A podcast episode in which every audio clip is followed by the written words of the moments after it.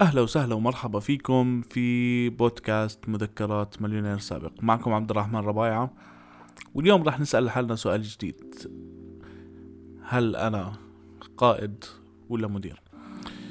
كتير سمعنا الجدل تبع إنه لازم تكون قائد ولا لازم يكون في عندك إدارة ولا لازم يكون عندك آه، حب للآخرين والشغلات هاي اللي دايما بحطوا المناقش بيننا ودايما بتشوفوا إنه بيصوروا لنا صورة المدير كأنه واقف بيعطي أوامره للناس اللي حواليه.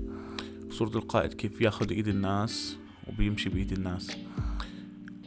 بس شوي أنا بلشت أزهق من الصورة النمطية اللي قاعدة بتنبنى عن فكرة القائد والمدير. وليش لازم أكون واحد من الاثنين؟ هذا السؤال اللي عم بفكر فيه يمكن باللحظة هاي وأنا عم بدور جوا كم من ارتكل وعم بقرأ جواتهم. هل المدير عاطل والقائد حدا منيح؟ ولا هل القائد حدا عاطل فيه له أضرار برضه؟ والمدير له حسنات. أنا يمكن في مشروعي الخاص لازم أكون الاثنين. ما بزبط في مشروعي إنه أعتبر حالي فقط قائد وأنا صاحب الفيجن وأنا صاحب المهمات وأنا صاحب الأفكار. وبشتغل ولا بنفع أكون مدير خصوصا إذا أنا عندي فريق صغير. واحدة من الشغلات اللي بتواجهني وإحنا عم نشتغل على المشاريع إنه الشباب بنكون بنشتغل على شغلة معينة هم ما بيعرفوا يشتغلوها. كمدير أنت لازم يكون عندك آه، ثواب وعقاب وتشتغل جوا التاسك وأنا أعطيتك مهمتك وتشتغل مهمتك زي ما أنت بدك. بس كقائد لازم تبادر أنت وتعلمه وتثقفه.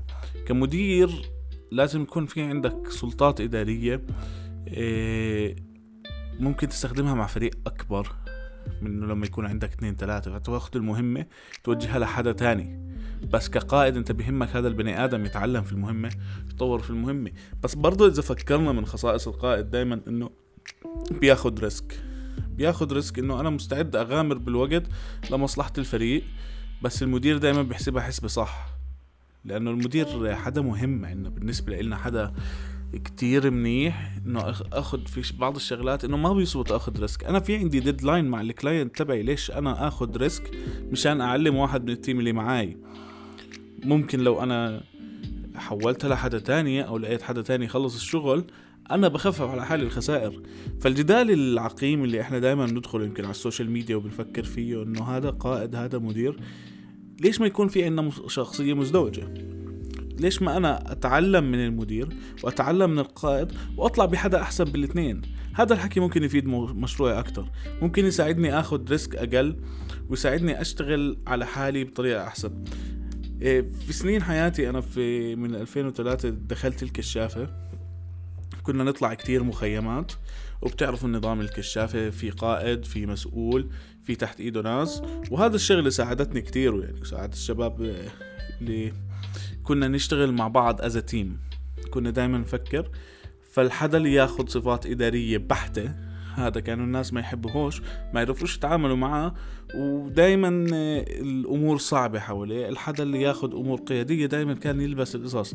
فلازم تكون متوازن. لازم يكون في عندك كلمة هاي كلمتك سيف تمشي ضمن شخصية المدير. ولازم يكون في عندك مبادرة اللي أنت تقدر تبادر فيها.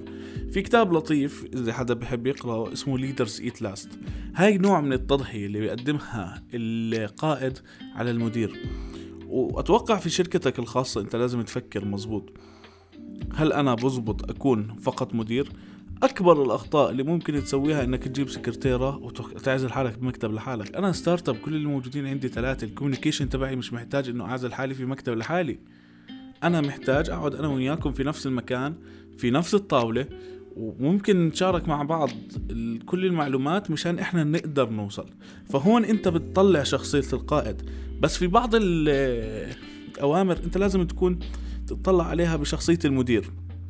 يعني ما بزبط أنا أمسك الفريق كلياته وأخليه يشارك في إدارة القرار في القرارات كلياتها مشان مصلحة الفريق لأنه في مصلحة أكبر من مصلحة الفريق اللي هي مصلحة الشركة اللي أنا موجودة عندي.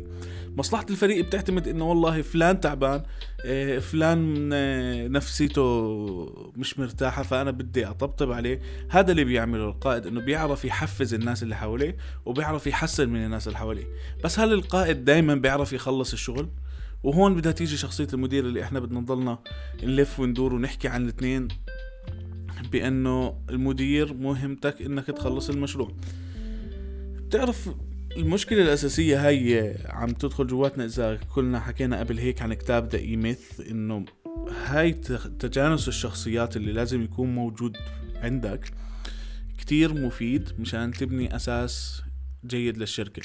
انت لما تعطي جزء من شخصية القائد وتفرجيها للناس اللي عم بيشتغلوا معك بكرة لما يكبر ال team تبعك حتلاقي انه الشباب اللي بلشوا معك هدول ضلوا مستمرين وضلوا ماشيين معك وفاهمين القواعد مزبوط فصاروا مدراء على الناس اللي حواليهم بنفس الوقت عم بيشتغلوا معهم بال structure تبعت الشركة المزبوطة. فانت بتبني لحالك structure لقدام. بدك تكون متوازن في الجهتين وتقدم شوية تضحيات دير بالك على الناس اللي حواليك.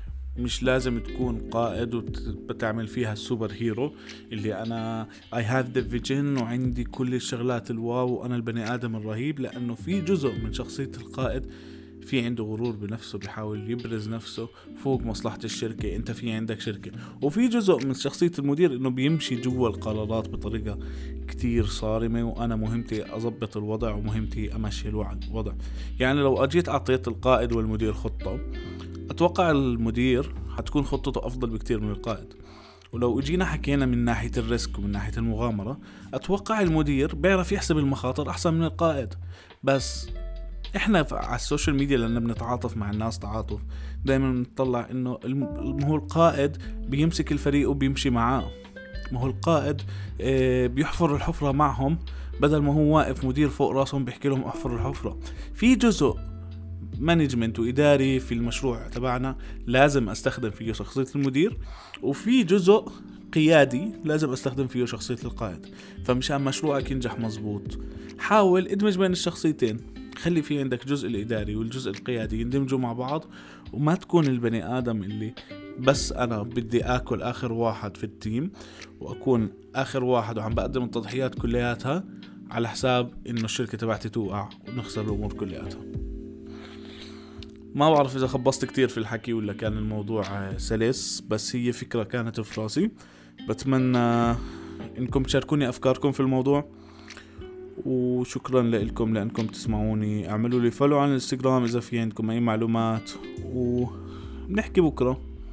سلام.